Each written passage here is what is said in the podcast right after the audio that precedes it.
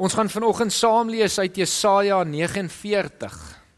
Julle is welkom om daar saam met my oop te maak. Jesaja 49 vers 14 tot en met vers 18. Sion sê: Die Here het my verlaat. Die Here het my vergeet. Kan 'n vrou haar eie baba vergeet, haar nie ontferm oor die kind wat sy in die wêreld gebring het nie? Selfs al sou so iets kon gebeur ek sal jou nie vergeet nie. Ek het jou naam in my handpalms gegraveer. Ek sien jou mure altyd voor my.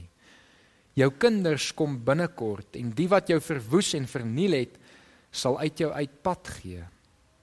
Kyk rondom jou en sien wat gebeur. Al jou kinders kom bymekaar en hulle kom na jou toe net hierdie paar verse vanoggend. God wou nog altyd gehad het dat ons hom moet ken. Want hy wil in 'n verhouding met ons leef. En daarom het hy reg deur die geskiedenis homself op verskillende maniere aan ons geopenbaar, aan die mens geopenbaar, homself vir ons kom wys. En een van die mees bekendste maniere hoe hy dit gedoen het, is deur metafore om homself te vergelyk met beelde wat ons al reeds ken en verstaan sodat ons ook iets sal verstaan van wie hy is en sal weet hoe ons in 'n verhouding met hom kan leef. Baie van hierdie beelde is natuurlik vir ons opgeskryf in die Bybel. En baie ander beelde is deur die eeue deur predikers of ander boeke uh vir ons oorgedra. En uiteindelik, soos wat ons ouer word en soos wat ons die Here leer ken, soos wat ons die Bybel lees en na predikers luister, het daar 'n spesifieke prentjie van wie God is in ons koppe gevorm. En hierdie prentjie van wie God is wat jy in jou kop het, bepaal hoofsaaklik hoe jou verhouding met hom lyk en funksioneer bepaal hoe jy oor hom dink, wat jy van hom verwag, wat jy glo sy rol is en natuurlik daarmee saam wat ook jou eie rol is. Dit word verklap in die manier hoe ons bid, hoe ons met hom praat, hoe ons kommunikeer, wat ons van hom sê, oor hom sê ensovoorts. Een van die mees bekendste beelde of metafore is die beeld van God as Vader. Ons almal ken hom baie baie goed want dit is waarskynlik ook die beeld wat die meeste vir ons in die Bybel uh vertel word. Die beeld van God wat kom sê het ek is soos 'n vader vir julle. Ek is soos 'n pa wat vir julle sorg, wat vir julle omgee, wat vir julle lief is, wat julle tugtig, wat julle leer, wat julle lei, wat julle help, beskerm wat vir jou raad gee. En wanneer ons hierdie prentjie van God as ons dominante prentjie van God in ons kop het, dan funksioneer dit soos 'n vader en 'n kind verhouding. Ons praat met God wanneer ons bid, soos wat ons met ons Pa sou praat, respekvol, maar tog openhartig. Ons voel veilig om ons lewe met hom te deel met die wete dat sy wysheid en raad en insig uiteindelik vir ons goed sal wees. Ons plaas ons vertroue in hom want ons weet sy rol as Vader is daar om vir ons te sorg en vir ons te beskerm. 'n Ander beeld wat baie keer uh veral onder tieners, jong mense waardevol is, is die beeld van God as vriend. Dis 'n beeld wat Jesus vir ons kom gee het in Johannes 15 toe hy gesê het ek noem julle nie meer ondergeskiktes nie maar ek noem julle my vriende. En dit deur dit te doen het Jesus 'n baie baie intieme vlak verhouding tussen hom en die disippels bewerkstellig, maar hy gebruik dit ook in ons verhouding met hom, in elkeen van ons se verhouding met hom. Om God ook as 'n vriend te kan sien. Om te kan weet dis iemand wat altyd daar is. Iemand met wie jy alles kan deel. Iemand wat alles saam met jou doen. Die beeld van 'n vriend wat nie bo ons is nie, nie ver verwyderd is nie, maar langs ons is, by ons is en betrokke vir ons is. Gedeel 'n deel van die gedeelte van Johannes 15 wanneer Jesus hierdie sê, dan sê hy ook dat niemand het iemand anders lief as 'n vriend wat sy lewe vir jou aflê nie. En dit is natuurlik wat hy dan ook kom doen het.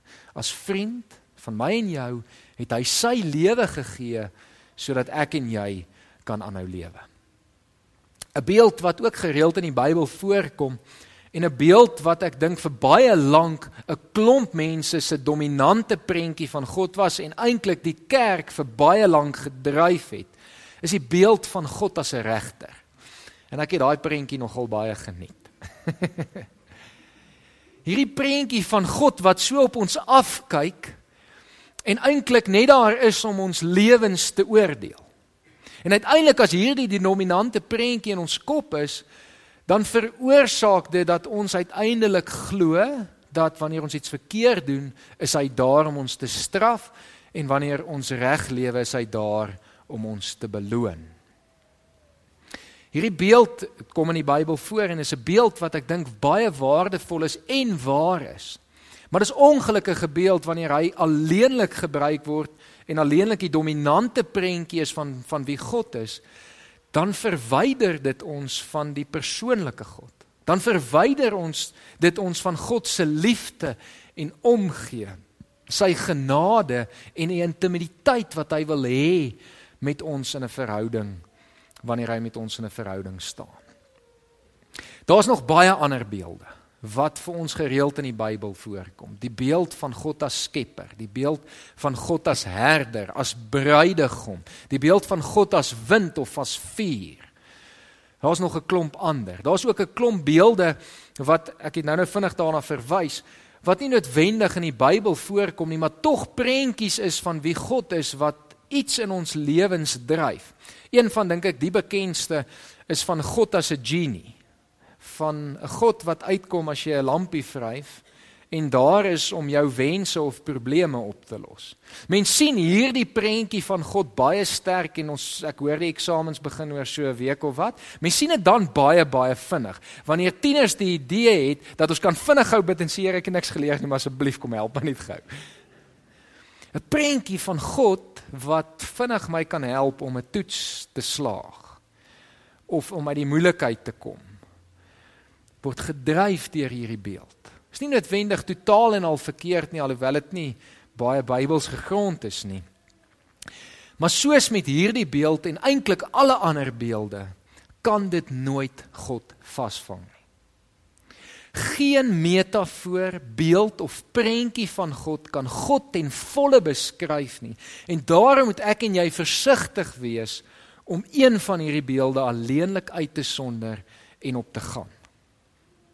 En vanoggend is dit dalk goed dat jy vir 'n oomblik net vir jouself afvra, maar wat is die prentjie wat ek in my kop gevorm het van wie God is? En dalk is dit dan nodig om vanoggend te sê, maar miskien is dit tyd dat ek bietjie na die ander beelde en metafore van wie God is en hoe hy homself aan my geopenbaar het, leer ken en leer gebruik sodat ek in 'n meer intieme, dieper verhouding met God kan leef een van die beelde en metafore wat ek dink ons nog die minste ontgin en ontdek het en daarom eintlik hierdie deel van wie God is nog nie regtig in ons verhouding met hom leer ken het nie is die beeld van God as moeder.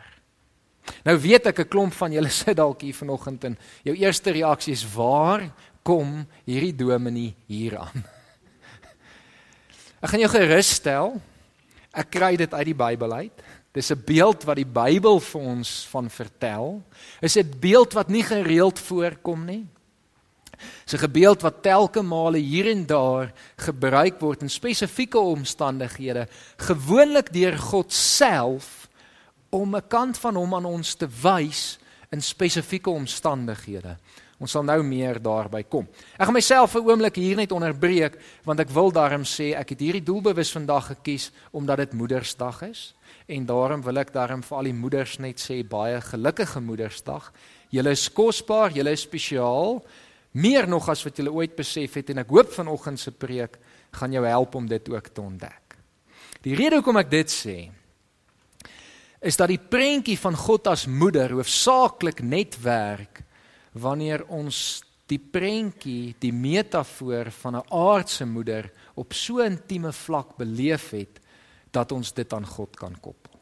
As ons aardse moeders vir ons gewys het hoe versorging en ontferming en liefde en omgee en vertroosting lyk, dan kan ons daardie selfde eienskappe ook aan God gaan koppel en dan is dit vir ons kosbaar. Hierdie idee van God as moeder kom die heel eerste keer voor in die skepingsverhaal. In Genesis 1 vers 27 as ons lees, as beeld van God het hy die mens geskep. Man en vrou het hy hulle geskep. Vader en moeder het hy hulle geskep.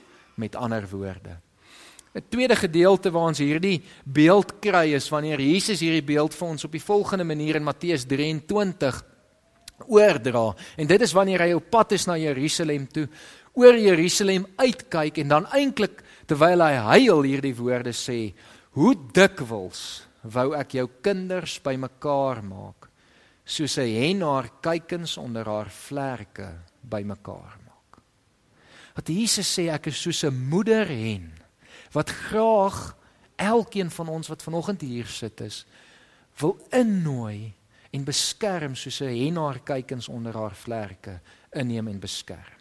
Interessant, die ander gedeelte wat gereeld vir ons in die Ou Testament voorkom, is amper dieselfde beeld, maar dit is daar waar 'n arend gebruik word, 'n arend wat haar kuikens ook beskerm en in die nes bymekaar hou.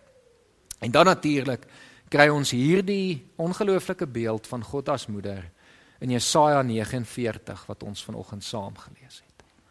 'n Paar verse wat begin met 'n stelling. 'n Stelling wat Israel gemaak het oor dit wat in hulle harte geleef het. En die stelling is baie eenvoudig. Die Here het my verlaat. Die Here het my vergeet. 'n Hartseer stelling. Dis 'n ontsteltenis. En ons verstaan dat dit is wat die Israeliete op hierdie stadium sê, want ons weet dat hulle op hierdie stadium in ballingskap is. Nou ballingskap is dalk 'n groot woord uh, wat ek moet net moet verduidelik daarom veral vir die kinders. Ballingskap beteken dat jy weggevat is, uit jou eie land gevang is en in 'n ander land moet gaan bly en daar werk as 'n slaaf van die mense wat jou gevang het. So die Israeliete op hierdie stadium is hartseer. Voel gebroke, voel verlate. Hulle bly in 'n vreemde land. Hulle het niks van hulle eie oor nie. 'n Klomp van hulle mense is doodgemaak. En hier sit hulle en hulle wonder, maar hoe kon dit gebeur? Hoe kon God dit toelaat? Waar is God dan nou? Het hy my vergeet? Het hy my verlaat? En dan kom God en hy antwoord hulle met hierdie op hierdie stelling met die volgende vraag en dan gebruik hy die metafoor waar hy homself as 'n moeder beskryf. Kan 'n vrou haar eie baba vergeet en haar nie ontferm oor die kind wat sy in die wêreld gebring het nie? God se reaksie op ons vraag van het hy my vergeet en ek weet elkeen van ons wat hier is vandag het eers in ons lewens al gevra, maar het die Here my nou vergeet? En sy antwoord daarop is kan 'n ma haar eie kind vergeet? Met ander woorde wat hy vir ons wil sê is jy is my kind, ek is jou moeder, jy's uit my gebore is woorde wat ons ongelooflik gereeld van lees in die Nuwe Testament. Die bekendste waarskynlik in Johannes 1 vers 12 wat sê aan elkeen het hy die reg gegee om 'n kind van God te word want hulle is uit God gebore.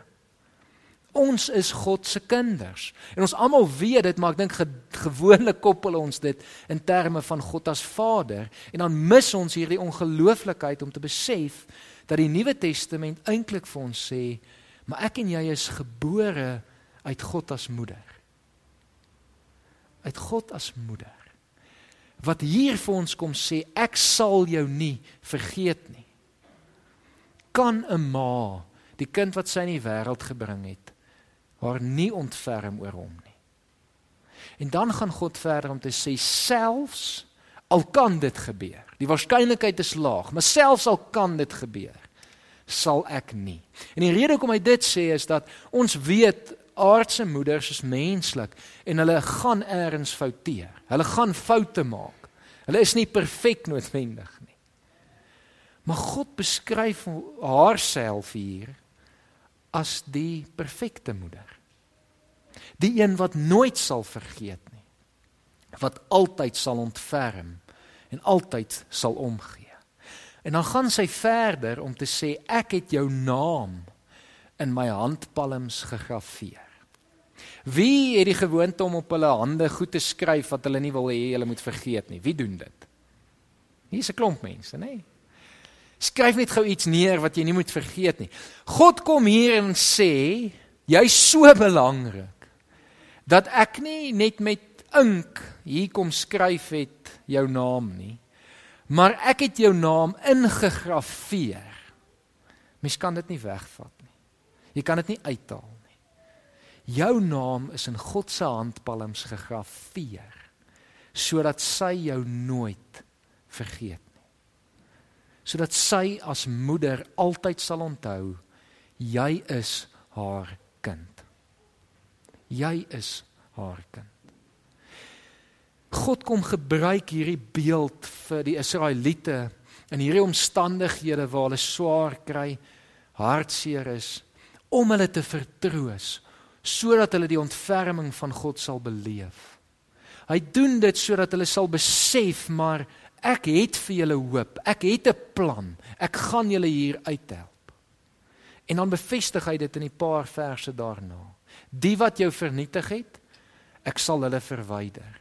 Jy's bekommerd oor jou kinders. En dit is vanoggend vir ons so belangrik want ons weet moeders is altyd bekommer ook oor hulle eie kinders.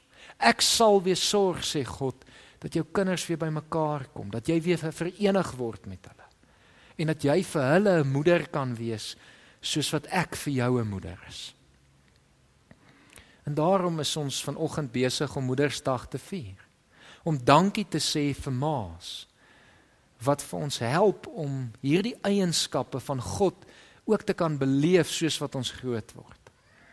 Eienskappe van vertroosting en ontferming van liefde en van omgee, van versorging en van voeding. En ek hoop regtig dat elkeen van julle vanoggend regtig hierdie kant van God kan ontdek en dit ook in jou verhouding met haar regtig van toepassing kan maak. Ons lees in Psalm 131 en ek hoop en miskien moet ek dalk gou dit hier net vra, het al die maas 'n uh, kaartjie gekry vanoggend. Dit was uitgedeel by die deur. Almal gekry. Dit lyk so mooi, wonderlik. Ons lees dat Dawid as psalmdigter hierdie kant van God ontdek het. Wanneer hy hierdie psalm skryf, Psalm 131 vers 2 wat ook op die kaartjies is. En dan lees ons: Ek het rus en kalmte gevind soos 'n kindjie wat by sy moeder tevredenheid gevind het, so het ek tevredenheid gevind by U. God wil jou uitnooi om soos wat 'n kindjie en ek het hierdie prentjie en ek weet julle almal het dit al gesien. Kinders kan speel, kinders kan veral met pa speel. Maar die oomblik as hulle seer kry, wat doen hulle? Hulle hardloop, mamma, mamma. En God wil my en jou uitnooi om ook juis vir al in ons seer kry. Na haar toe te hardloop en te sê mamma help my. Vertroos my. Sorg vir my. Voed my. Ek hoop Linnery gaan my vergewe dat ek gou vinnig hierdie deel maar daar's niks wat Jan Ulrich so maklik en vinnig vertroos soos wanneer hy aan haar kan drink nie En net so sê God vir ons, kom na my toe. Kom vind vertroosting en rus en kalmte by my. Elkeen van ons het eers in ons lewens seer gekry. Het eers iets teëgekom, iets met ons gebeur waar ons gevoel het, Here, het U ons dalk vergeet. En dan is die antwoord vanoggend nee. Want ek is jou moeder. Jy's uit my gebore, jy's my kind. Ek sal jou nooit nooit vergeet nie. Kom na my toe. Laat ek jou vashou. Laat ek jou vasdruk teen my bors. Laat ek jou vertroos. Ek wil daar wees vir jou. Mag elkeen van julle vanoggend hierdie gebruik om dieper meer God te leer ken en mag hierdie beeld van God as moeder jou help om te besef wie hy is en wat hy alles vir jou nie wil doen. Kom ons word 'n oomblik stil en dan bid ons saam.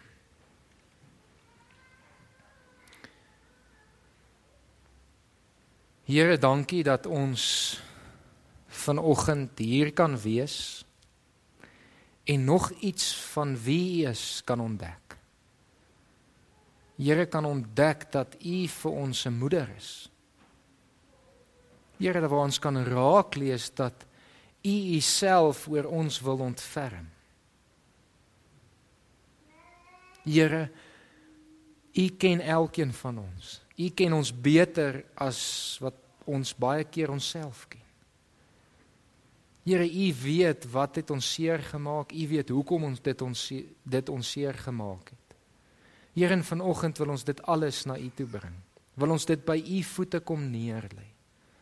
Here, wil ons kom vra neem ons in U arms. Kom vertroos ons. Here, kom help ons om ook in ons verhouding met U in terme van U as moeder te leef, om te weet dat U ook 'n sagte kant het wat omgee en wat ontferm. Here ons kom vanoggend hier op Moedersdag na U toe en ons besef dat ook hierdie ons kan help om nog verder U te leer ken en Here ons wil vra dat U ons sal help daarin dat ons nie vanoggend net sal bly by dit wat ons gehoor het nie maar dat ons in die week regtig verder sal gaan om dit te kan ontdek Here om 'n deel te maak van ons lewens, om 'n deel te maak van ons verhouding met U.